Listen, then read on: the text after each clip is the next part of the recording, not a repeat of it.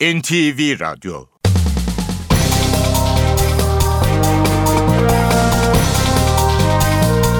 İşe Giderken Mutlu sabahlar. Ben Aynur Altunkaş. Bugün 19 Haziran Perşembe. İşe giderken de Türkiye ve dünya gündemine yakından bakacağız. Gündemin başlıklarıyla başlayalım. Anayasa Mahkemesi balyoz davasında dijital veriler ve tanık dinlenmesi konusunda hak ihlali olduğuna karar verdi. Bu karar hükümlülere tahliye yolunu da açıyor. Yüksek Mahkeme devrimci karargah ve Oda TV davaları sanığı eski polis müdürü Hanefi Avcı'nın da haklarının ihlal edildiğine hükmetti. 12 Eylül darbesinin mimarları Kenan Evren ve Tahsin Şahinkaya müebbet hapse mahkum oldu. Irak Amerika Birleşik Devletleri'nden Irak Şam İslam Devleti örgütü IŞİD'in mevzilerine hava operasyonu yapmasını istedi. IŞİD tehdidi altındaki bölgelerde yaşayanlar güvenli bölgelere ulaşmaya çalışıyor. Son dünya şampiyonu İspanya Şili'ye 2-0 yenildi, kupaya erken veda etti. İşe giderken gazetelerin gündemi.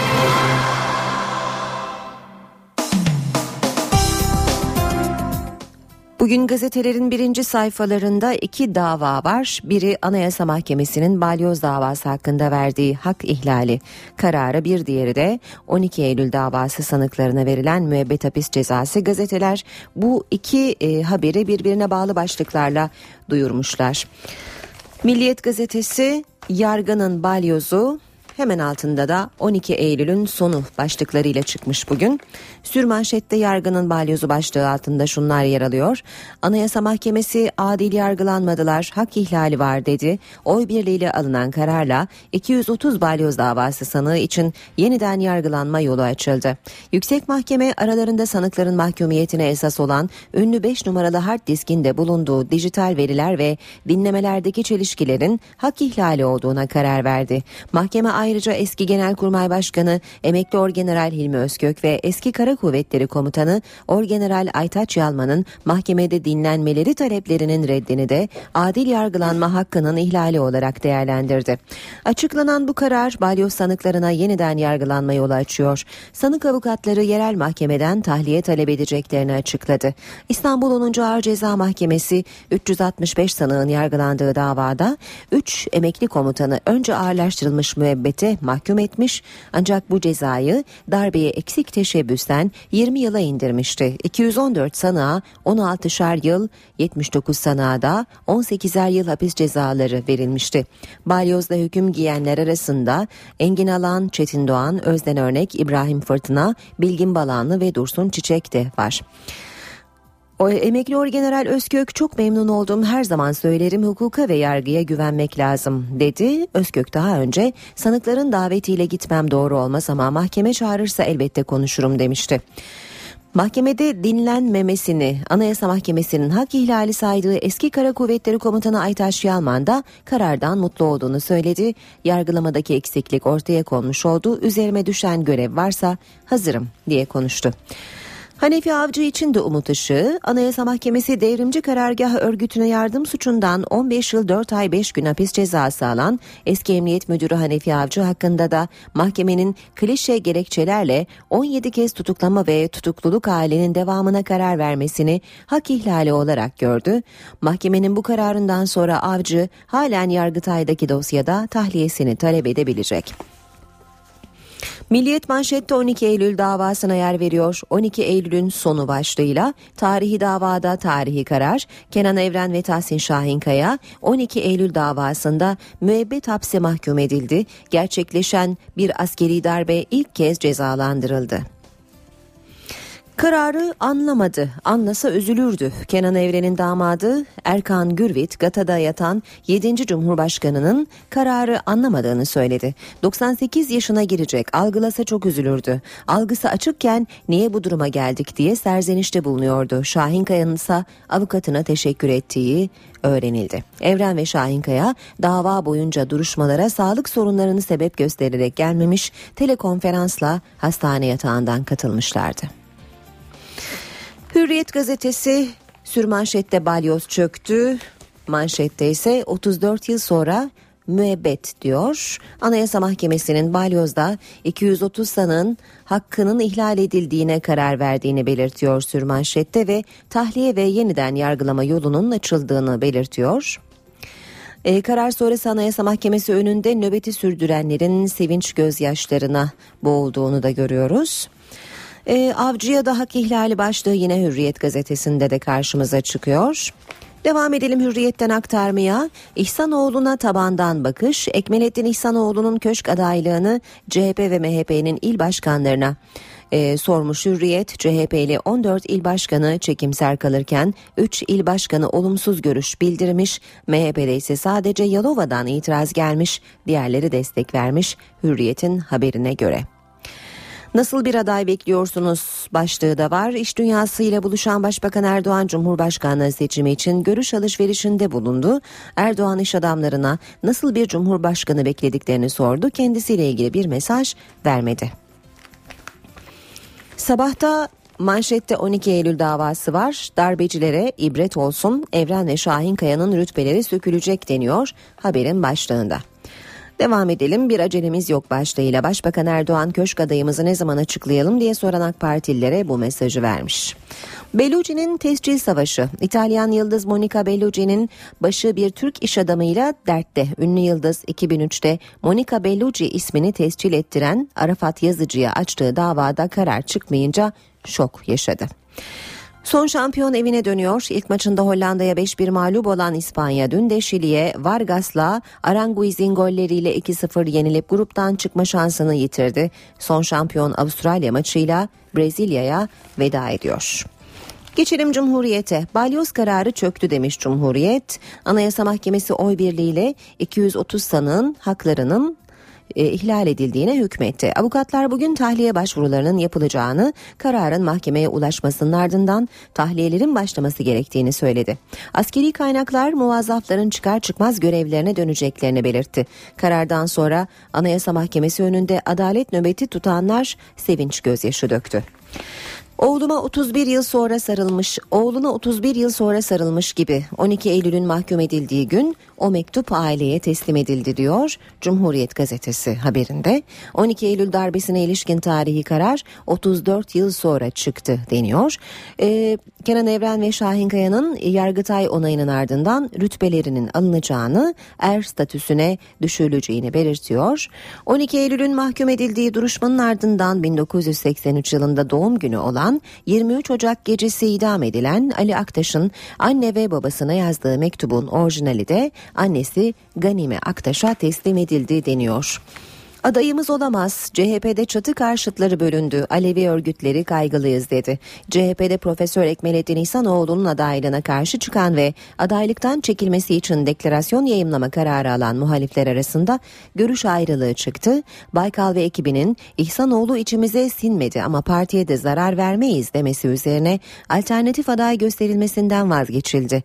CHP seçmeninin önemli bir bölümünü oluşturan Aleviler İhsanoğlu'na karşı çıktı. 250 derneğin oluşturduğu Alevi Bektaşi Federasyonu Orta Doğu'da yaşananların ardından İslamcı kimliği olan İhsanoğlu'nu CHP'nin önermesi düşündürücüdür. İhsanoğlu bizim adayımız olamaz açıklamasını yaptı. Geçelim radikale.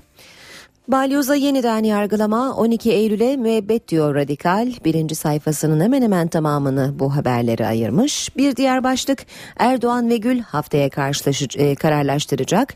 Başbakan Erdoğan'ın Cumhurbaşkanı adaylığı ile ilgili süreç gelecek hafta netleşecek diyor Radikal. Cumhurbaşkanı Gül ile Erdoğan bir araya gelerek AK Parti'nin durumunu konuşacak. Gül'ün partinin başına geçmesi için baskı olduğu belirtiliyor. Star gazetesi rütbesiz müebbet diyor manşetinde. Darbeci Evren ve Şahin Kaya'ya ibretlik karar haberin üst başlığı. Bir başka başlık e, Anayasa Mahkemesi balyozu paralelden bozdu şeklinde Star gazetesinde. Ekmel Bey'in Atatürk telaşı yine Star'dan bir başlık. Solcuları Atatürkçülük konusunda rahatlatma telaşına düşen Ekmelettin İhsanoğlu, laiklik ve Atatürk vurgulu ilk röportajını verdi diyor Star gazetesi. Doktor Öz'e reklam sorgusu bir diğer başlık ünlü kalp cerrahı Mehmet Öz televizyon programında yeşil kahve çekirdeği içerikli diyet ilaçlarını övdüğü gerekçesiyle Amerikan senatosuna ifade verdi. Ailem de denedi yanında egzersiz de şart ama işe yaradığına inanıyorum. Habertürk e, birinci sayfada balyoza balyoz darbeye darbe diyor. Anayasa Mahkemesi'nin balyoz kararı ve 12 Eylül davası kararı birinci sayfada bu şekilde. Hemen altında böcekçi elde başlığı var. Savcılık başbakanın çalışma ofisine böcek yerleştiren kişinin gözaltındakilerden biri olduğunu belirtiyor. Örgütlü casusluk soruşturmasında Başbakan Erdoğan'ın çalışma ofisine dinleme cihazını koyan tespit edildi. Savcılık kaynaklarına göre gözaltındaki 11 polisten biri böceği yerleştiren kişi.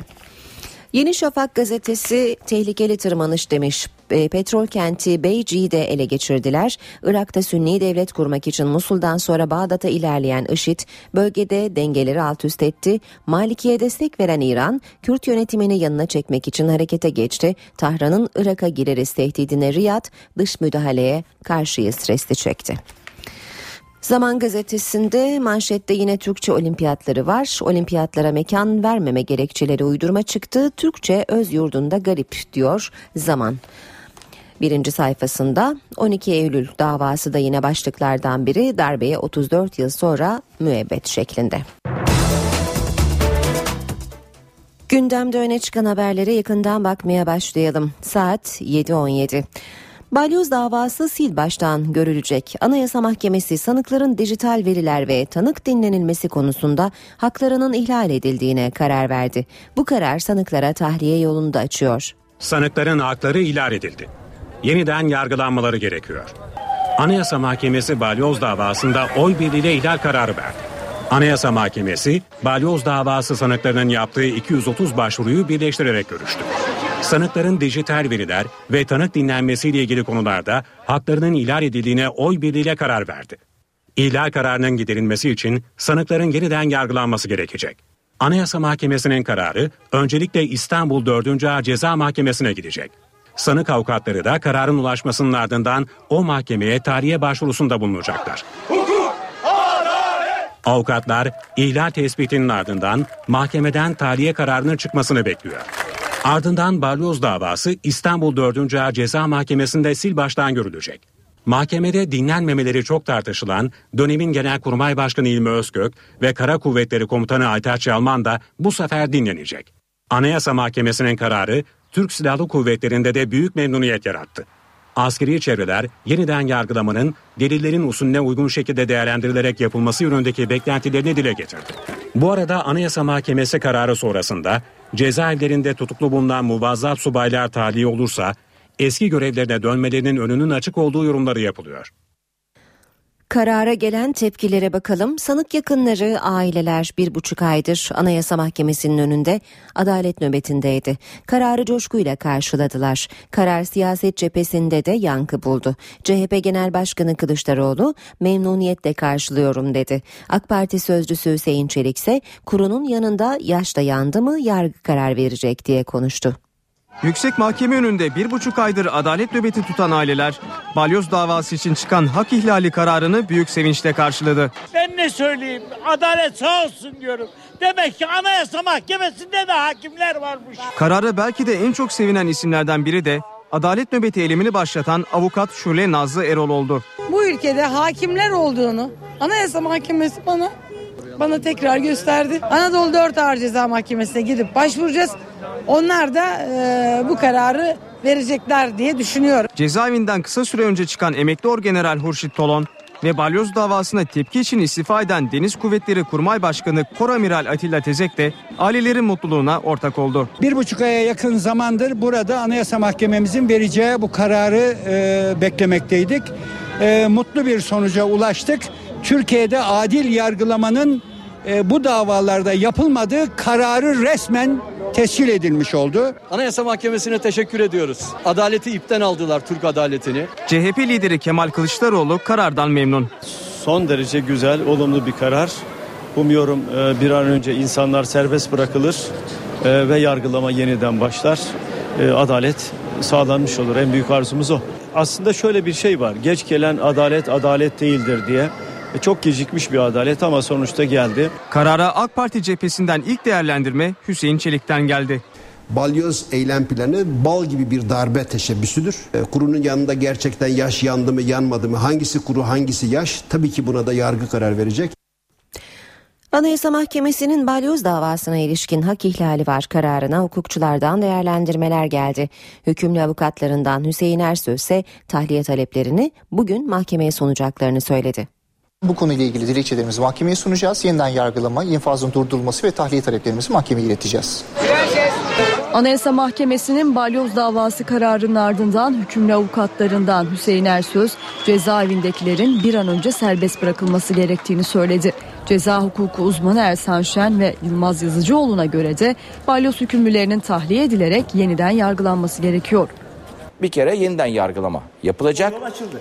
Açılması ne demek? Eski kararın kalmaması demek. Eski karar yok. Yeniden bir karar tesis edilecek. Birincisi e, bir defa tahliye bence kesin. Anayasa Mahkemesi kararını dosyasıyla birlikte UYAP üzerinden gerekirse faksta yerel mahkemeye göndermeli. Yerel mahkemede ceza muhakemesi kanunu 312. maddesi uyarınca yargılamanın yenilenmesi yoluna esastan girmek zorunda kaldığından infazı durdurmalı.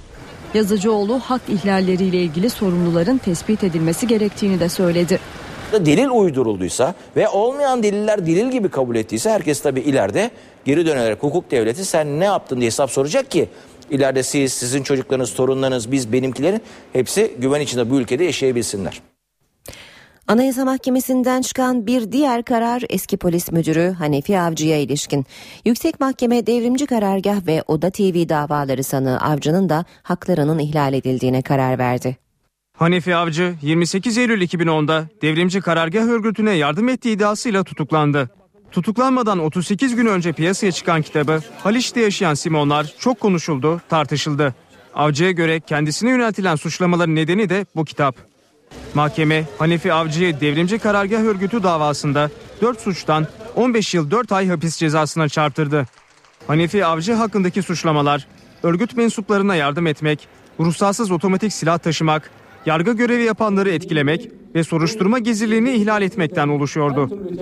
Mahkeme ayrıca Hanefi Avcı hakkında resmi belgede sahtecilik yaptığı gerekçesiyle suç duyurusunda bulunulmasına hükmetti. Haksız ve uzun tutuklama gerekçesiyle Anayasa Mahkemesi'ne başvuran Avcı hakkında karar çıktı. Yüksek Mahkeme Avcı'nın haklarının ihlal edildiğine karar verdi. Bu kararla Avcı için tahliye yolu açıldı. 4 yıldır Silivri cezaevinde tutulan Hanefi Avcı, Oda TV davasında yargılanmaya devam ediyor. NTV Radyo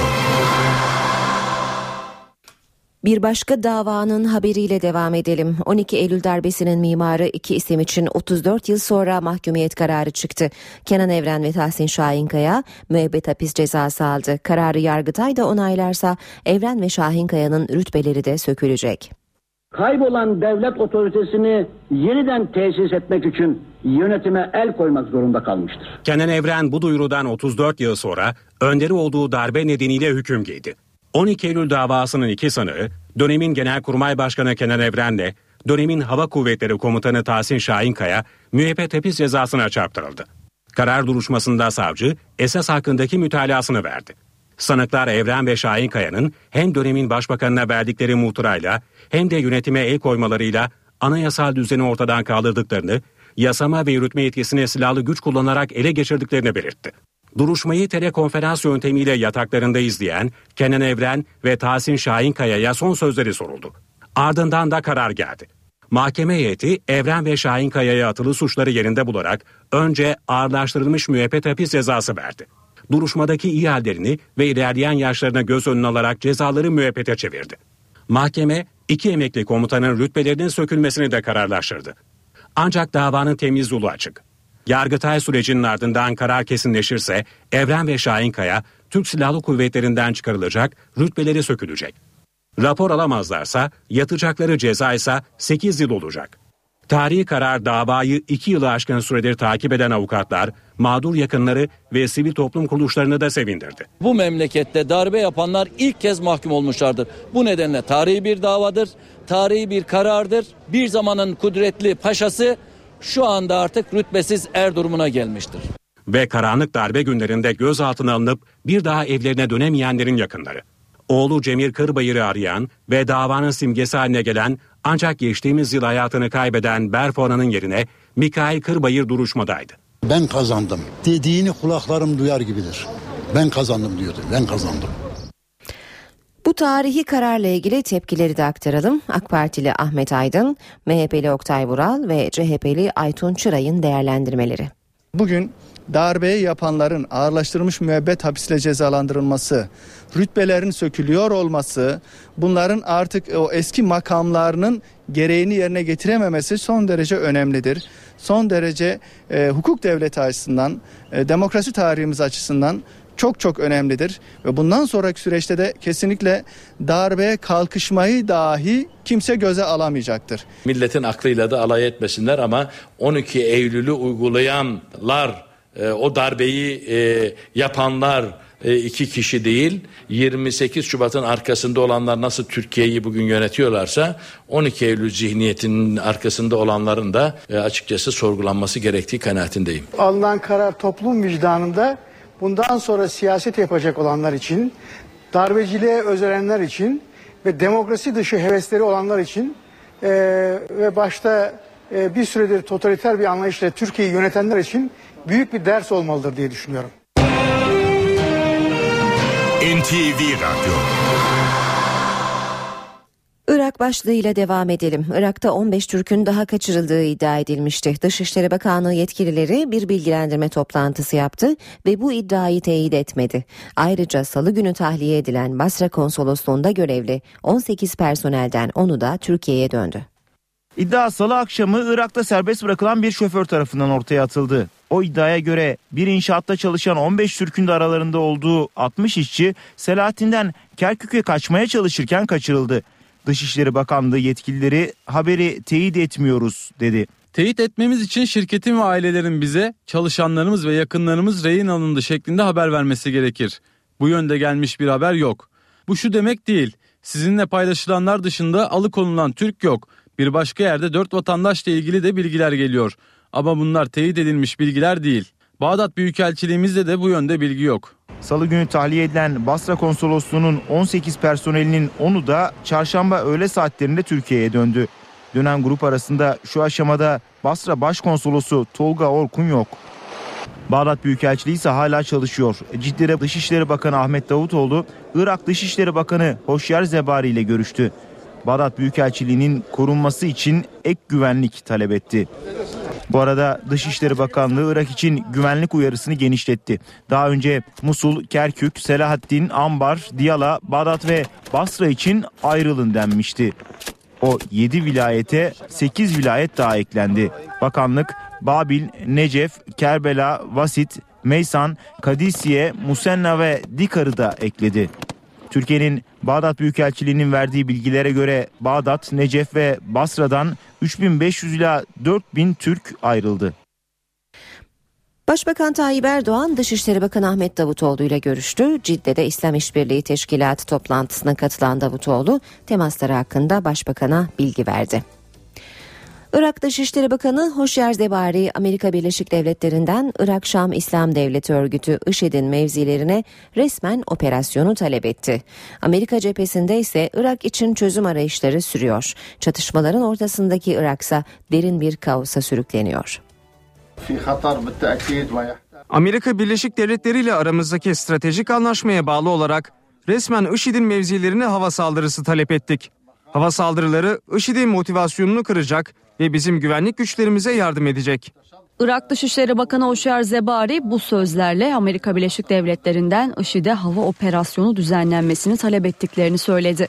Amerika Birleşik Devletleri'nin bu çağrıya nasıl bir karşılık vereceği ise henüz netlik kazanmış değil. Amerika Birleşik Devletleri Başkan Yardımcısı Joe Biden'ın Irak Başbakanı Nuri El Maliki, Şii Meclis Başkanı Usama Nüceyfi ve Irak Kürt Bölgesel Yönetimi Başkanı Mesut Barzani ile istişarelerde bulunduğu belirtildi. Irak ve Amerika Birleşik Devletleri'nde siyasi ve askeri çözüm arayışları sürerken Irak derin bir kaosa sürüklenmeye devam ediyor. Ülkede Irak Şam İslam Devleti örgütü militanları, Peşmerge ve Irak ordusu arasındaki çatışmalar sürüyor. Irak ordusu Selahattin ve Diyala'da IŞİD militanlarının eline geçen bölgeleri geri almaya çalışıyor. Militanlarsa Beycü'de ülkenin en büyük petrol rafinerisini ele geçirmek için ağır silahlarla saldırıyor. Ancak Irak ordusunun saatler süren çatışmanın ardından militanları püskürttüğü belirtiliyor.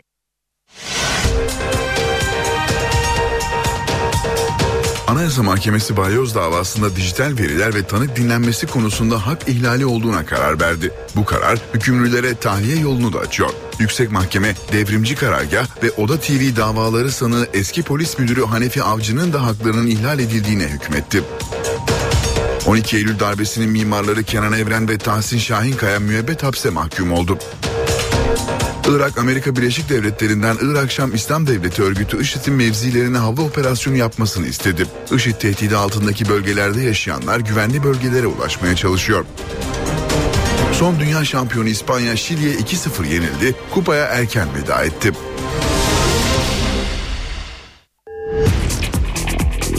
Spor haberleri başlıyor.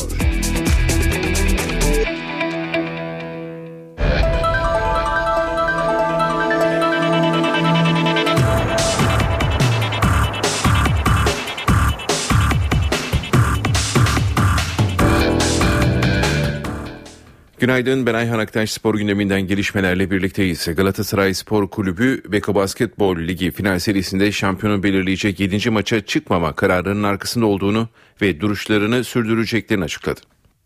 Kararlarımızın arkasındayız. Türkiye'de her alanda sporun öncüsü olan Galatasaray, sporda adaletli ve ahlaklı bir düzenin kurulması için üzerine düşeni yapmaya devam edecektir.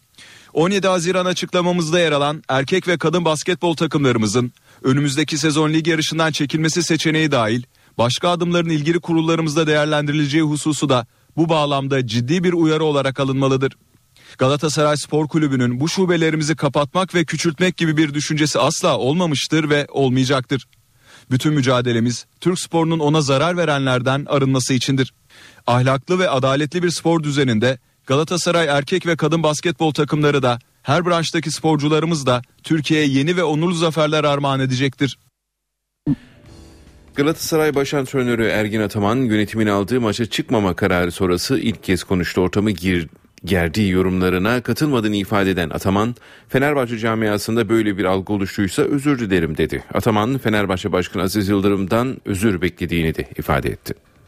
Galatasaray Live Hospital'la Fenerbahçe ülkeler arasındaki şampiyonluğu belirleyecek maç öncesi kriz devam ediyor.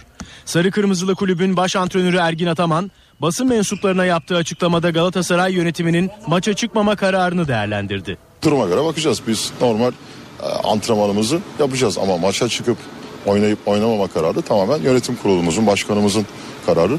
Ee, biz de kulüp olarak e, daha doğrusu kişi olarak e, biz bir bütünüz ve karar ne olursa olsun biz bunun arkasındayız. Ataman playoff final serisi ikinci maçı sonrası yaptığı açıklamalarla ortamı gerdiği yönündeki eleştirilere yanıt verdi. İkinci kaybettiğimiz maçtan sonra hakem hatası yüzünden kaybettiğimi söyledim. Kaybettiğimizi söyledim. Bunu dünyada her teknik adam, her branşta zaman zaman yapıyor. Ve ben burada dozajında da gayet de e, ben kendi çapımda bir eleştiri yaptım. İkincisi de kendi takımımı e, motive etmek için de e, iki avans verdim verdik dedim. Herhangi bir gerginliğe yol açtığımı kesinlikle kabul etmiyorum. Bunlar şayet Fenerbahçe camiasında, Fenerbahçe kulübünde bir e, sıkıntı yarattıysa, bundan gerildilerse ben Ergin Ataman olarak onlardan özür diliyorum bunları söylediğim için. Karşı taraftan da Sayın Başkan Aziz Yıldırım'dan da benim için sarf ettiği sözler için özür dilemesini bekliyorum. Siz kim olursanız olun Ergin Ataman'a ahlaksız diyemezsiniz. Türk milli takım hocasına biz seni orada yaşatmayacağız diyemezsiniz. Hala üzerimde dopingçi imajı verdikleri için çok rahatsızım. Fenerbahçe Ülker Baş Antrenörü Obradoviç'e karşı taraftarı azmettirdiği yönündeki iddiaları da yalanlayan Ergin Ataman, çekilme kararı sonrası federasyondan geri adım atmalarını beklediklerini belirtti. Bir takım şartlar değişirse benim aldığım duyumlar e, federasyon bazı geri adımlar atarsa e, o zaman Galatasaray'da belki bazı geri adımlar atabilir ama bunların kararını verecek olan Galatasaray Yönetim Kurulu ve e, tabii ki Yönetim Kurulu Başkanımız Sayın Ünal Aysal'dır. Ataman yapılan eleştirilere rağmen milli takımın başında olduğunu ve Dünya Kupası'nda altın madalya kazanmak için 10 Temmuz'da çalışmalara başlayacaklarını söyledi. Bu açıklamalarının ardından takımla antrenmana katılan Ergin Ataman daha sonra bir kez daha basın mensuplarının karşısına çıktı. Deneyimli antrenör 6. maçtan sonra söylediği Fenerbahçe Ülker Arena'da can güvenliğimiz yok sözlerine açıklık getirdi. Anadolu Efes'le şampiyonluk yaşadığı dönemde bir grup Fenerbahçelinin sahaya inerek kendisine yumruklu saldırıda bulunduğunu hatırlatan Ataman, Can güvenliğimizden bahsederken emniyet teşkilatı için bir şey kastetmek istemedim. Aksine son maçta iki tane özel çevik kuvvet görevlisi bencin sağında ve solunda durdu. Ben beni koruyan özel güvenlik olmadan maçı yönetmek istiyorum diye konuştu. Fenerbahçe Ülker Baş Antrenörü Obradoviç, Galatasaray Hospital Baş Antrenörü Ergin Ataman'ın övgüyle ilgili yorumuna açıklama yapmadı. NTV Spor'a özel açıklamalar yapan Obradoviç, playoff serisinin 7. maçı oynanacakmış gibi hazırlandıklarını vurguladı. Galatasaray yönetiminin aldığı maça çıkmama kararına rağmen Fenerbahçe Ülker serinin son mücadelesine hazırlanıyor. Sarı lacivertli takım son antrenmanını Ülker Arena'da gerçekleştirdi. Baş antrenör Jelko Obradoviç çalışma sırasında NTV Spor'un sorularını yanıtladı. Sırp antrenör Galatasaray Live Hospital antrenörü Ergin Ataman'ın kendisi hakkındaki Avrupa'nın en iyi koçlarından biri. Benim de iyi arkadaşım. Onu final serisinde 3 kez yenmek gurur verici sözleriyle ilgili soruya yanıt vermedi. Eğer takımımla ilgili sorular soracaksanız cevap verebilirim. Ama başka kimselerin ne söylediğiyle ilgili soru soracaksanız cevap vermeme tercihimi kullanıyorum. Obradoviç şampiyonluk maçı için hazırlandıklarını ifade etti.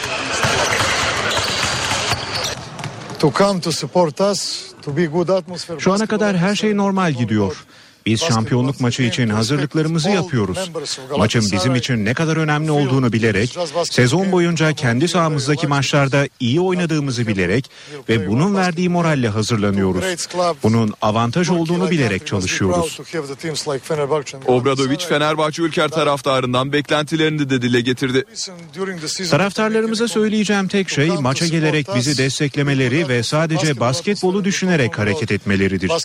Kesinlikle rakip takıma ve onların her bir bireyine gerekli saygıyı göstersinler. Burada iki muhteşem takım mücadele ediyor. Sadece Türkiye'ye değil, bütün dünyaya ve Avrupa'ya burada iki mükemmel takımın sadece bir basketbol mücadelesi içinde olduğunu gösterelim. Bu mücadele sonunda sadece iyi olan takımın kazanacağını gösterelim. Taraftardan bu atmosferi yaratmalarını istiyorum. Obradoviç son olarak bütün sezon sadece bu konulara değindiğinin, başka yorumlarda bulunmadığının altını çizdi ve sezon boyu bu duruşu sergilediklerini söyledi. Türkiye Basketbol Federasyonu Başkanı Turgay Demirel Galatasaray'ın final serisinin son maçına çıkmama kararıyla ilgili NTV Spor yayınında açıklamalarda bulundu. Eşleşmenin 7. maçı öncesi güvenlik sorunu yaşanmayacağını belirten Demirel sağduyu çağrısında bulundu. Galatasaray Spor Kulübü'nün dün yapmış olduğu açıklamanın kabul edilebilir hiçbir e, yönü olmadığını belirtmem gerekiyor. E, biz e, Türkiye Basketbol Federasyonu olarak çok uzunca bir süreden beri tüm taraflara eşit ve doğru mesafede durarak konularla ilgili gereken kararları zamanında alarak bu işin e, Türk basketboluna zarar vermeyecek şekilde ve Türk basketboluna yakışık şekilde tamamlanması için azami gayret sarf ettik. Beşinci maçta Fenerbahçe salonunda seyircinin bir bölümünün özellikle saha içinde ve sahanın sporculara yakın bölümde yapmış olduğu hareketler nedeniyle maçta yine anons yapılması, kötü tezahüratlar nedeniyle bir tanesi maç öncesi ve bir tanesi maç sırası olmak için anons yapılması üzerine bu konuda disiplin kuruluna gönderildi. Disiplin kurulumuz da bu konuda yine gereken bütün incelemeleri yaparak kararını verdi.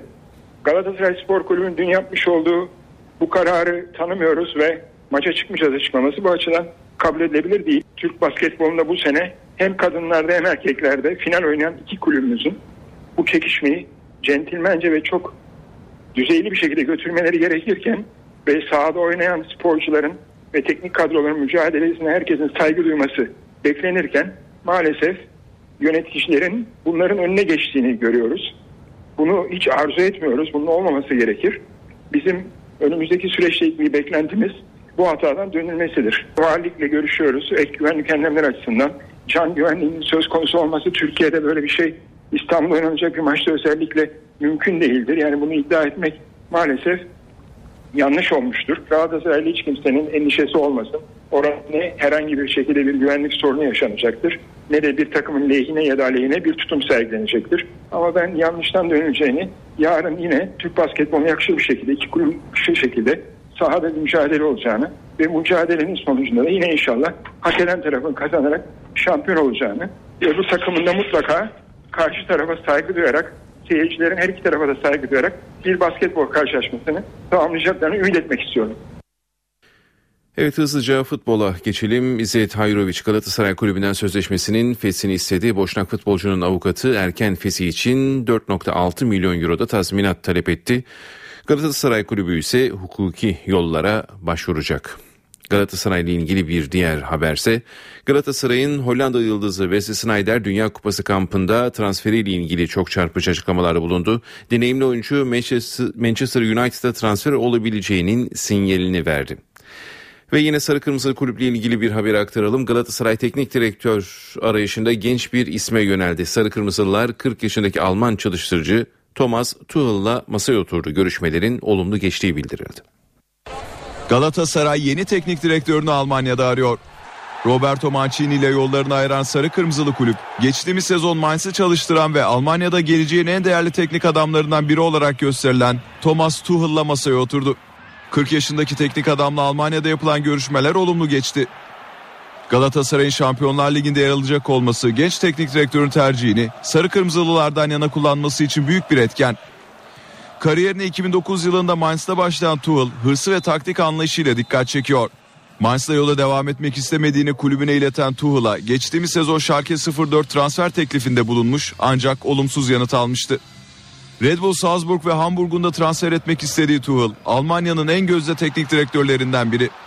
Alman basını Tuchel'ı ilerleyen yıllarda Bayern Münih'in başına geçecek teknik adam olarak öne çıkarmıştı. Hırslı yapısı ve oyuncularıyla olan diyaloğu nedeniyle Dortmund teknik direktörü Jurgen Klopp'a benzetilen Tuchel, taktik anlayışıyla kısa sürede büyük saygı gördü. Galatasaray Başkanı Ünal Aysal'ın bizzat ilgilendiği transferde taraflar detayları görüşecek ve herhangi bir sorun yaşanmadığı takdirde resmi imzalar atılacak. Dünya Kupası B grubunda Hollanda çok zorlandığı maçta Avustralya'yı yenmeyi başardı. Geriye düştüğü maçı 3-2 kazanan Portakallar böylece ikinci tura yükselmeyi garantiledi. B grubundaki diğer maçta ise İspanya ikinci maçındaki mağlubiyetini Şili karşısında aldı. Şili'ye 2-0 yenilen İspanya ikinci tura çıkma şansını kaybetti. Dünya Kupası A grubundaki maçta ise Hırvatistan Kamerun'u farklı geçti. Maçı 4-0 kazanan Hırvatistan ikinci tur ümitlerini sürdürürken Kamerun yolun sonuna geldi. Bugün ise yine 3 maç var hemen programı aktaralım. C grubunda Kolombiya ile Fin dişi sahili saat 19'a karşı karşıya gelecek. D grubu maçında Uruguay ile İngiltere saat 22'de mücadele edecek. C grubu maçında yine Japonya Yunanistan'la gece 1'de karşı karşıya geliyor. Bu haberimizde spor bültenimizi tamamlıyoruz. İyi günler diliyoruz. NTV Radyo. Günaydın herkese yeniden işe giderken haberlere devam edeceğiz. Önce gündemin başlıklarını hatırlayalım. Sonra Gökhan Abur'la hava tahminlerini konuşacağız. Anayasa Mahkemesi balyoz davasında dijital veriler ve tanık dinlenmesi konusunda hak ihlali olduğuna karar verdi. Bu karar hükümlülere tahliye yolunu da açıyor. Yüksek Mahkeme devrimci karargah ve Oda TV davaları sanığı eski polis müdürü Hanefi Avcı'nın da haklarının ihlal edildiğine hükmetti. 12 Eylül darbesinin mimarları Kenan Evren ve Tahsin Şahinkaya müebbet hapse mahkum oldu. Irak Amerika Birleşik Devletleri'nden Irak Şam İslam Devleti örgütü IŞİD'in mevzilerine hava operasyonu yapmasını istedi. IŞİD tehdidi altındaki bölgelerde yaşayanlar güvenli bölgelere ulaşmaya çalışıyor. Son dünya şampiyonu İspanya Şili'ye 2-0 yenildi, kupaya erken veda etti. Evet hava durumu için Gökhan Abur'la konuşacağız. Sayın Abur günaydın. Günaydın. Şimdi bugün bazı bölgelerde yağmur bekleniyor. Hatta bize gelen bilgilere göre Kırklareli'de yağmur etkili olmuş. Neler söyleyeceksiniz? Evet e, şu anda Balkanlarda çok kuvvetli bir yağış var. Özellikle Bulgaristan'da bugün yağış çok kuvvetli olduğu için ilerleyen saatlerde Trakya'da da yağışın etkisini arttırmasını ve başlamasını bekliyoruz. Karadeniz üzerinde Batı Karadeniz'de çok yoğun bir bulut kümesi var. Şu anda bu bulut kümesi Zonguldak, Bartın, İnebolu arasındaki bölgeyi etkisi altına almış durumda ve kuvvetli Poyraz'la birlikte Karadeniz'in kıyı kesimlerinden İstanbul Boğazı'na doğru, Boğaz'a doğru ilerlemesini sürdürüyor. Bu bulut kümesi ilerleyen saatlerde Batı Karadeniz'in kıyı kesimleri ve İstanbul Boğazı etkisi altına alacak ve özellikle akşama doğru İstanbul'da da yağış hem batı ilçelerinde hem de kuzey kesimlerinde başlayacak ve rüzgarın kuvvetlenmesiyle bu yağışlar gece saatlerinde giderek kuvvetli sağanaklar şeklinde olacak. Yağışlar Marmara bölgesinde asıl etkisini yarın gösterecek gibi gözük gözüküyor. Çünkü yarın bu yağışlar aralıklarla devam ederken rüzgarın kuvvetlenmesi ve rüzgarın Lodos'la Karayel arasında gidip gelmesi yağışların etkisini daha da arttıracak ve yarın özellikle öğleden sonra ve gece saatlerinde yine kuvvetli sağanaklar İstanbul ve özellikle de Trakya'da ve güneyinde etkili olacak. Ve tabii kuvvetli rüzgarla ve yağışla birlikte sıcaklıklar bugüne göre 5-6 derece azalacak. Yani bugün 28 derece bekliyoruz İstanbul'da. Yarınki sıcaklık ise 23 dereceler civarında olacak. Biraz tedbirli olmakta fayda var. Bu kuvvetli yağışların Marmara bölgesindeki yağışların e, cumartesi günü de öğle saatlerine kadar İstanbul'u ve Marmara'nın güney ve doğu kesimlerine etkilemesini bekliyoruz. Trakya'da yağış cumartesi günü hafifliyor. Evet e, sıcaklıklar Ege'de, Akdeniz'de ve özellikle Güneydoğu'da hızlı bir yükselişe geçti. Güneydoğu'da bugün yine 39-40 dereceye yaklaşan sıcaklıklar görülürken Akdeniz'de bugün için hava açık. Yarın da açık az bulutlu bir hava var. Bugün Antalya'da beklediğimiz hava sıcaklığı 37 derecenin üzerinde olacak. Ama cumartesi günü Batı Akdeniz bölgesinde özellikle Antalya'nın batı ilçelerinde Kemer ve Kaş gibi ilçelerinde hafif de olsa yağış geçişleri görülebilecek. E, hemen tekrar e, hafta sonuyla ilgili olarak bakıyorum. E, kuzeydeki yağışlar yavaş yavaş etkisini Trakya'da kaybederken İç Anadolu bölgesi, Karadeniz bölgesi ve doğuda yağışlar aralıklarla devam edecek. Evet Haziran evet. ayının hemen hemen son 10 gününe giriyoruz ama hava hala kararsızlığını sürdürmeye devam ediyor. Sıcaklıklar da oldukça değişken ama Ege'de, Akdeniz'de ve Güneydoğu'da yükselmesini sürdürecek bugünlerde de. Gökhan Abur teşekkürler. NTV Radyo Cumhurbaşkanlığı seçimi başlığıyla devam edelim. CHP ile MHP'nin ortak Cumhurbaşkanı adayı Ekmelettin İhsanoğlu adı açıklandıktan sonra ilk kez konuştu. İhsanoğlu Türkiye'de farklı düşünceye sahip iki köklü siyasi partinin uzlaşmış olması demokratikleşme sürecinin çok önemli bir adımı dedi. En önemli şey büyük uzlaşmanın gerçekleşmiş olmasıdır. Yani Türkiye'de eski iki çok köklü siyasi partinin farklı düşünceye sahip iki siyasi partinin uzlaşmış olması Türkiye'de demokratikleşme sürecinde çok önemli ileri bir adımdır.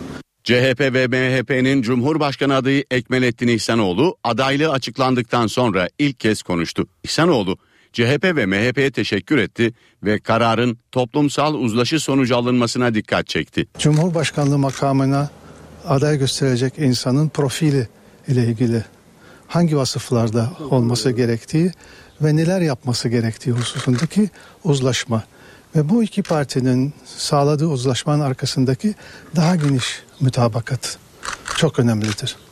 Şahsımla ilgili tarafı bence ikinci e, derecede önemlidir. Ekmelettin İhsanoğlu Cumhuriyet gazetesine de konuştu. Atatürk karşıtı olduğu eleştirilerine yanıt verdi. Bu tür değerlendirmelere çok üzülüyorum. Lütfen bunu yapan arkadaşlarımız geçmişime baksın. Türkiye Cumhuriyeti kurumlarında hatta adında bizzat Atatürk yazılı kurullarda üstlendiğim görevlere baksınlar. Atatürk'ü, Cumhuriyet realitesini ve kazanımlarını inkar etmek tamamen yanlıştır. İhsanoğlu önerisinin kimden geldiği de tartışılıyor. Eski Bakan Kemal Derviş, Kılıçdaroğlu'na İhsanoğlu ismini kendisinin önerdiği yönündeki haberlerin gerçek dışı olduğunu söyledi. AK Parti sözcüsü Hüseyin Çelik CHP ve MHP'nin Ekmelettin İhsanoğlu'nu aday göstermesini muhafazakar demokrat siyasetin başarısı olarak değerlendirdi ama taklitler aslına hizmet eder dedi. CHP ve MHP arkadaş bizim mahallede halka cazip gelecek, halkın oy verebileceği, halkın cumhurbaşkanı seçebileceği bir adam yok diyor bununla. Kendi partilerinden aday bulamadılar. AK Parti sözcüsü Hüseyin Çelik, CHP ve MHP'nin köşk seçimleri için Ekmelettin İhsanoğlu'nda anlaşmasını değerlendirdi. NTV yayınına katılan Çelik, İhsanoğlu için beklediğim bir isim değildi dedi. Başarılı olamayacağını savundu. Muhafazakar demokrat siyasetin de bir bir başarısıdır aslında. Ya sizin yani size benzeyen birini bulursak belki halk seçer. Biz de diyoruz ki yani kendisi varken halk niçin benzeyenlere oy versin? Biliyorsun imitasyonlar hiçbir zaman için e, şey görmez, rağbet görmezler. Bütün taklitler aslına hizmet eder. İhsanoğlu'nun şahsını tartış falan tartışmıyorum. Çünkü Sayın İhsanoğlu'nun adaylığı kesinleşmeden müracaatı yapılı onun teklif ederler. rekabet başlar. O zaman bizim söyleyeceğimiz çok şey var. Çelik AK Parti'nin adayının ay sonunda açıklanacağını söyledi. Başbakan yardımcısı Bülent Arınç'ın parti içinde dedikodu yapanlar var sözlerini değerlendirdi. Partide tartışma olabilir ama ayrışma olmaz dedi. Sayın Bülent Arınç'ın dünyasıyla onun eleştirdiği insanların dünyasının tıpatıp aynı olması gerekmiyor. Bir evde iki kardeş tartışabilir. Bazen sesleri dışarıya da çıkabilir. Bizim açımızdan e, böyle korkulacak vahim aman falan diyeceğimiz bir mesele değil. E, ama bizim partimizde de bir elbette tartışma ortamı var. CHP Genel Başkanı Kemal Kılıçdaroğlu çatı adayları Ekmelettin İhsanoğlu'na yönelik hem partisi içindeki muhaliflere hem de kamuoyuna mesaj verdi. Tanıdıkça sevecekler dedi. Ancak CHP içinde çatı aday muhaliflerinin tepkileri sürüyor. MHP'li Oktay Vuralsa İhsanoğlu'nun büyük kabul gördüğünü söyledi. Ee, süreç güzel ilerleyecek kimse merak etmesin e, Ekmelettin Bey'i tanıdıkça onlar da sevecekler. Hem parti içindeki muhaliflere hem de kamuoyuna mesaj verdi. CHP Genel Başkanı Kemal Kılıçdaroğlu çatı aday Ekmelettin İhsanoğlu'nu tanıdıkça herkes sevecek dedi. MHP ve CHP sözcülerinden de ortak adayları İhsanoğlu'na ilişkin yeni açıklamalar geldi. Ekmel Bey e, kamuoyunda e, büyük kabul görmüştür. Türkiye'nin içinde bulunduğu iç ve dış siyasi şartlar açısından da son derece uygun e, bir aday olduğuna ilişkin kanaat e, toplumun tüm kesimlerinde ve tüm siyasi partilerinde yer edinmiştir. Sayın İhsanoğlu Cumhuriyet Halk Partisi'nin adayı değildir. Halkın, bu milletin belirttiğimiz kriterler ölçüsünde ortak adayıdır. Cumhuriyet Halk Partisi'ne bir yönetici, bir milletvekili, bir belediye başkanı, bir genel başkan seçmiyoruz. Parti sözcüsü Haluk Koç böyle dedi ama CHP'de İhsanoğlu muhalifleri ikinci toplantı yaptı. Toplantıda eski Genel Başkan Deniz Baykal yoktu. Baykal parti içindeki Ekmelettin İhsanoğlu uzlaşmasını Star Haber'e değerlendirdi. Baykal tepkileri doğal bulduğunu ama bu süreçte Cumhurbaşkanlığına aday olmayı düşünmediğini söyledi. İhsanoğlu'nun aday gösterilmesine tepki gösterdi. Halkın çok da tanımadığı bürokrat kişiliği olan bir isim belirlendi.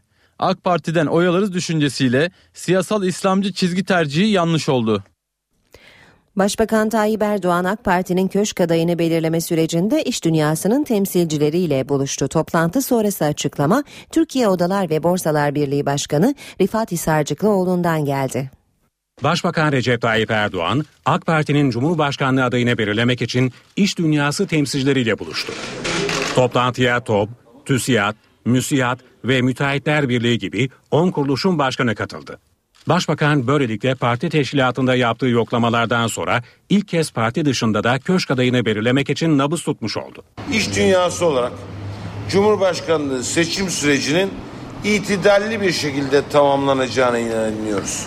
Ve böylece seçim sonucunda ülkemizde huzurun sağlanmasını da arzu ediyoruz. Başbakan 22 Haziran Pazar günü ise Aralarında Hak İş, Memur Sen gibi çok sayıda sivil toplum kuruluşunun da olduğu Milli İrade Platformu'yla İstanbul'da bir araya gelecek. Ayrıca Başbakan, köşk turları kapsamında meclise grubu bulunmayan bazı partileri de önümüzdeki günlerde ziyaret edecek. HDP Cumhurbaşkanı adaylığı için CHP milletvekili Rıza Türmen'e teklif götürdü mü? Bu soruya HDP Grup Başkan Vekili Pervin Buldan yanıt verdi. Resmi teklif yok ama konuşulan isimlerden biri dedi. Resmi olarak e, Sayın Türmen'e e, aday teklifimiz yok. E, ama e, genel olarak tabanda eğilim olarak çıkan isimlerden bir tanesi Rıza Türmen. E, bizim de çok yakıştırdığımız, kendisini sevdiğimiz, saydığımız bir arkadaşımız. Ama resmi olarak HDP'den e, Sayın Rıza Türmen'e bir adaylık teklifi gitmedi. Ee, sanırım vekiller arasında e, konuşulan e, ve kendisiyle bu konu istişare edilen bir şey. Dolayısıyla dün de basına bu şekilde yansımış. Rıza Türmen ise düşünülen isimlerden biri olmaktan onur duydum ancak yoluma CHP'de devam edeceğim dedi. NTV Radyo. Saat 8.20 işe giderken de beraberiz. Şimdi başkente uzanacağız ve e, Ankara gündemini alacağız. Karşımızda NTV muhabiri Özgür Akbaş var. Özgür günaydın. Günaydın Aynur. Başta Anayasa Mahkemesi'nin balyoz ve Hanefi Avcı kararlarıyla e, beraber başkent gündemi oldukça yoğun ilerliyor. Irak ve Cumhurbaşkanı seçimi bir yandan, böcek operasyonu diğer yandan. Neler aktaracaksın bize? Aynur Ankara'da gündemin hızına e, yetişmek pek de mümkün olmuyor. Dün 12 Eylül davasının sonucu tartışılırken akşam saatlerinde Anayasa Mahkemesi'nin aldığı kararlar Ankara gündemine tam anlamıyla bomba gibi düştü. Yüksek Mahkeme hem balyoz davasında 230 sanık için hem de eski Emniyet Müdürü Hanife Avcı için hak ihlali olduğu yönünde bir karar verdi. Hak ihlalinin giderilmesi için sanıkların yeniden yargılanması gerekecek. Tabii bu kararın ardından başta MHP İstanbul Milletvekili Engin Alan olmak üzere e, cezaevinde bulunan sanıklar bugün avukatları aracılığıyla mahkemeden tahliyelerini isteyecekler. Davaya bakan İstanbul 4. Ağır Ceza Mahkemesi nasıl bir karar vereceği merak konusu. Tahliye kararı bugün çıkacak mı? Bu da merakla bekleniyor. Hemen hatırlatalım e, Fenerbahçe Kulübü Başkanı Aziz Yıldırım'ın da bir e, başvurusu vardı yeniden yargılama konusunda.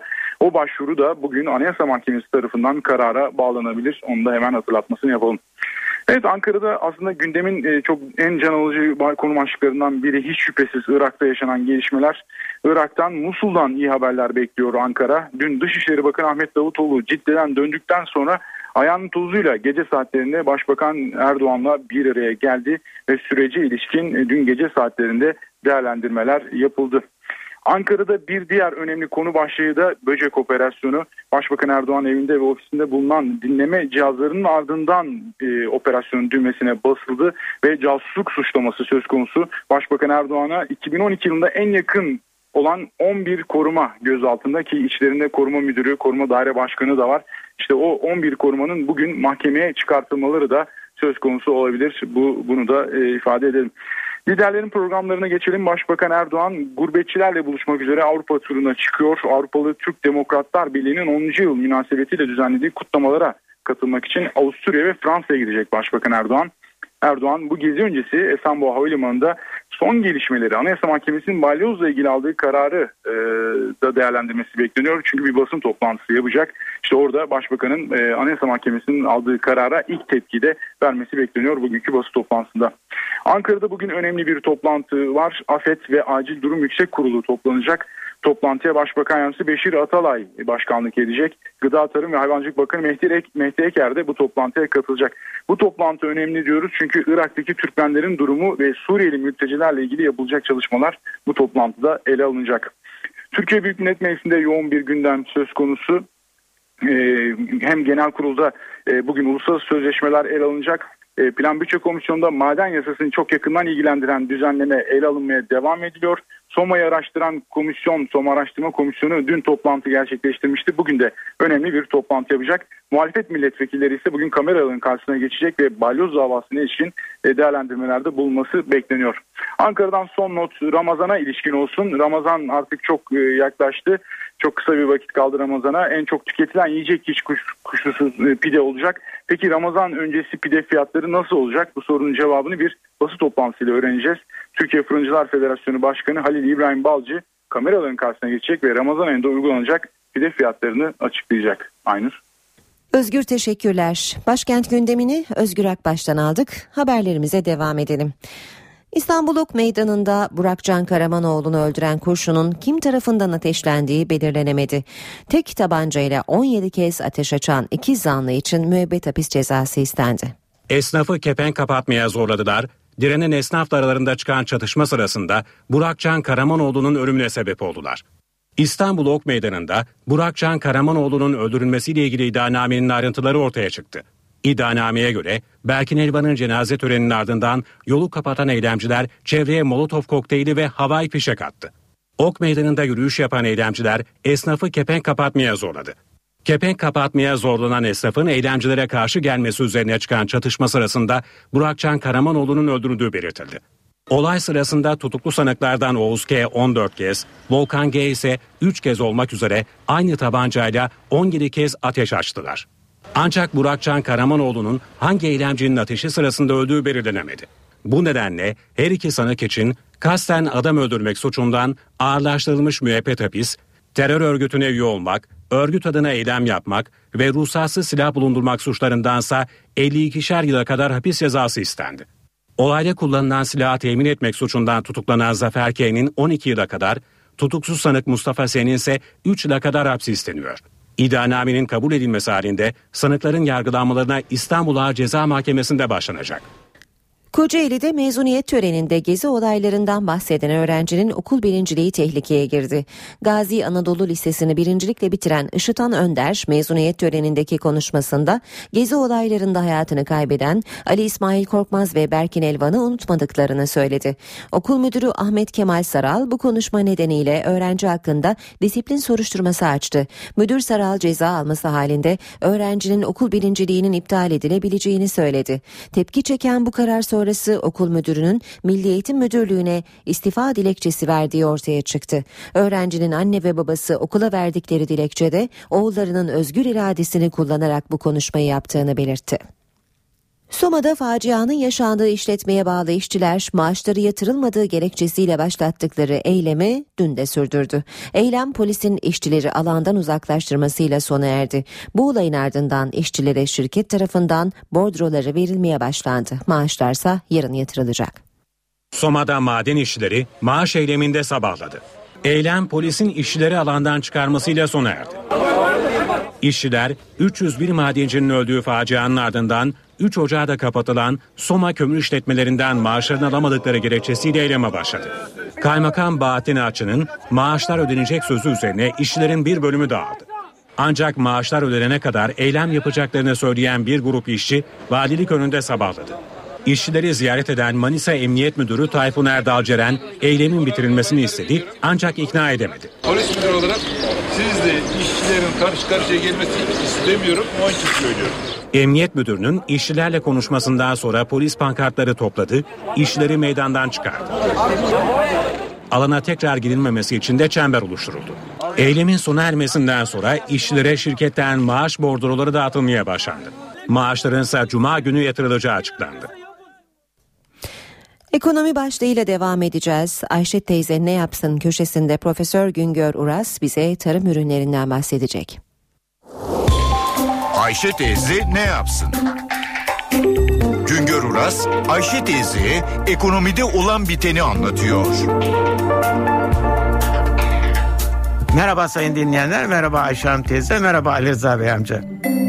Tarım ürünlerinde üretici fiyatları Mayıs ayında bir önceki aya göre artmadı. 2013 yılının aynı ayına göre ise artış yüzde 11,23 oranında oldu. Tüketici fiyatlarındaki değişim büyük ölçüde tarım ürünleri fiyatından etkilendiği için tarım ürünleri fiyatındaki değişim önemlidir. Toplam tüketici fiyatları endeksinde gıda ve alkolsüz içeceklerin ağırlığı %25'e yakındır. Her ay enflasyon rakamları açıklandığında artışın suçu bir tarım ürününe yüklenir. Biber bu ay zam şampiyonu, domates fiyatı en fazla arttığı için enflasyon da yükseldi gibi söylemler olur. Özetle fiyat artışlarının arkasında tarım ürünleri fiyatlarının olduğu söylenir. Tüketici fiyatlarındaki enflasyonda yıllık artış Mayıs'ta yüzde 9,66 iken tarım ürünlerindeki yıllık artış yüzde 11,25 olmuştu. Tarım ürünleri fiyatlarındaki değişimin farklı nedenleri var. Hava durumu, yağmur, don, sel gibi tabiat şartları üretim arzını etkiliyor. Talebin daralması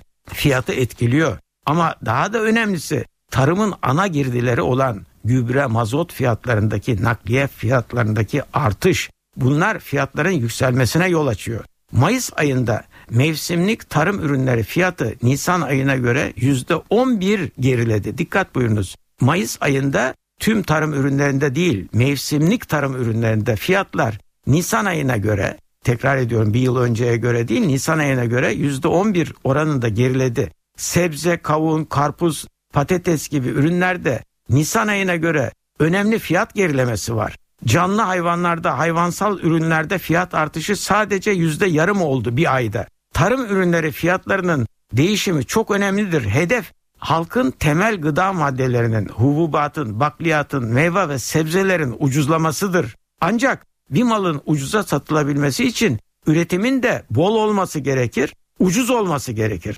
Tarım üretiminde üretim yapanların maliyeti yüksek ise tarım ürünlerinin fiyatı da yükselir. Tarımda üretim yapan ürününü maliyetin altında satar ise zarar eder, üretimden vazgeçer. Bunun birçok üründe örneğini görüyoruz. Mısır, pirinç, nohuttan sonra şimdilerde Çin'den sarımsak ithal etmek zorunda kaldık. Gıda maddelerinde ağırlığı teşkil eden tarım ürünlerinin maliyetleri ve fiyatları sonunda tüketici fiyatlarına yansıyor. Onun için tarım ürünleri fiyatlarındaki değişimi dikkatle izlemek zorundayız. Bir başka söyleşide birlikte olmak ümidiyle şen ve esen kalın sayın dinleyenler. Güngör Uras'a sormak istediklerinizi ntvradio.ntv.com.tr adresine yazabilirsiniz. Piyasaları yakından ilgilendiren bir haberi aktaralım. Amerika Merkez Bankası FED aylık 45 milyar dolarlık tahvil alım miktarını 10 milyar dolar azaltarak 35 milyar dolara indirdi. Bu kararın ardından içeride dövizde e, azalış var. Dolar 2.12'de, Euro 2.89'da işlem görüyor. Bu arada BIST 100 endeksi dün %0,10 değer kazanarak 78.092 puandan kapandı. Euro dolar paritesi 1.36, dolar yen 102 düzeyinde, altının onsu 1200 178 dolar, Brent petrolün varili 113 dolar, kapalı çarşıda ise külçe altının gramı 87, çeyrek altın 154 lira.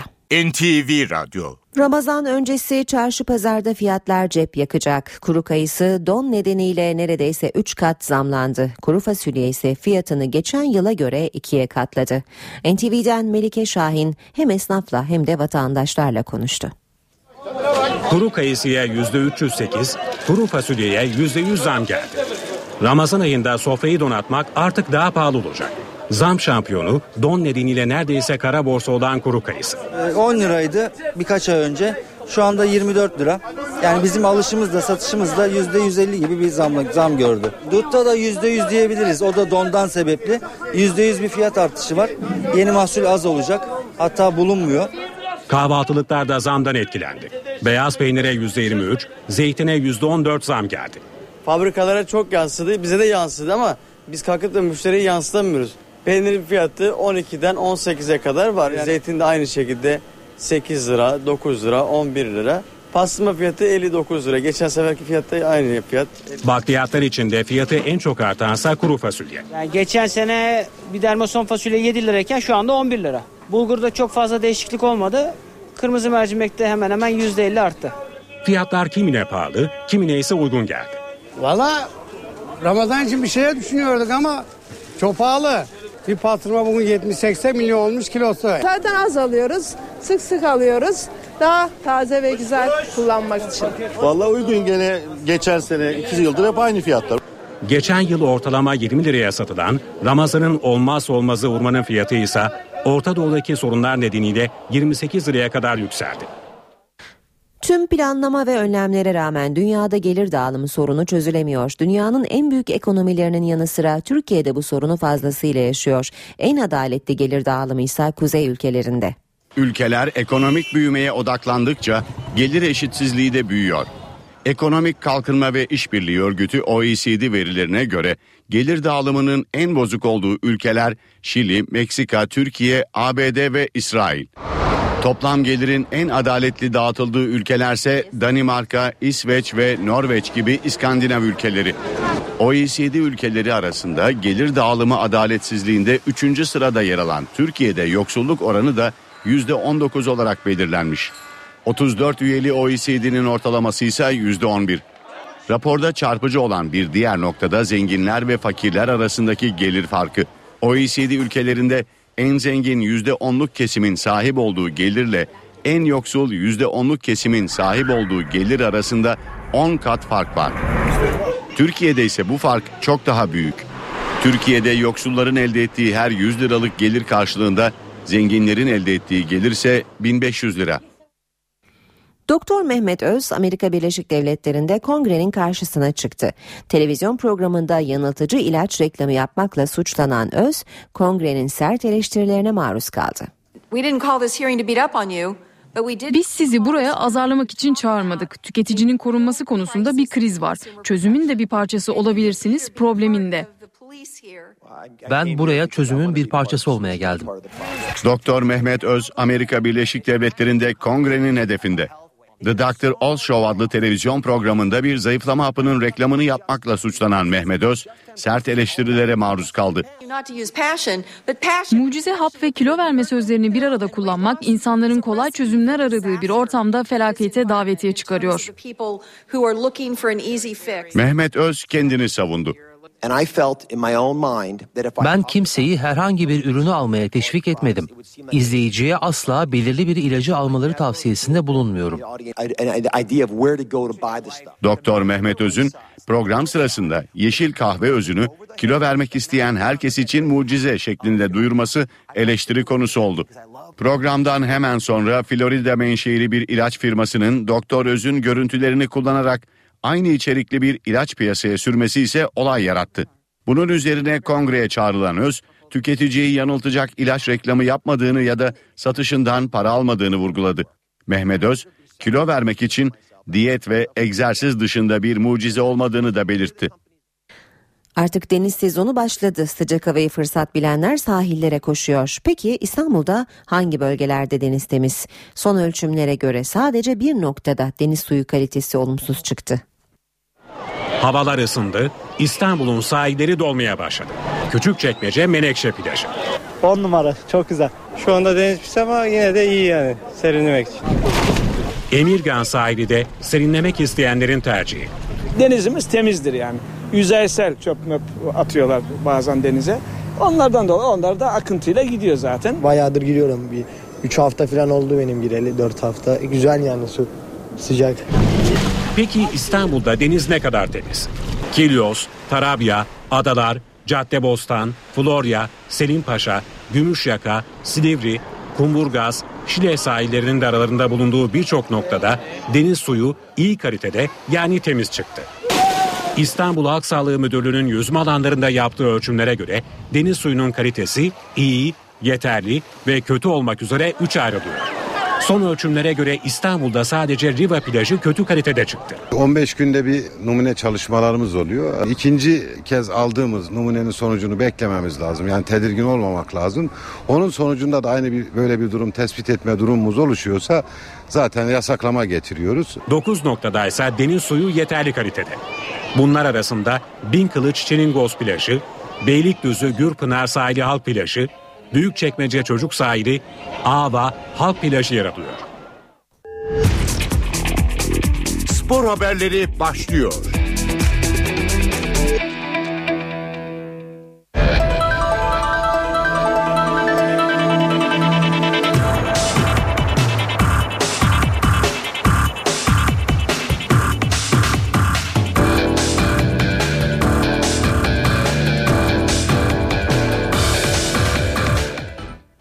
Günaydın ben Ayhan Aktaş spor gündeminden gelişmelerle birlikteyiz. Galatasaray Spor Kulübü Beko Basketbol Ligi final serisinde şampiyonu belirleyecek 7. maçı çıkmama kararının arkasında olduğunu ve duruşlarını sürdüreceklerini açıkladı.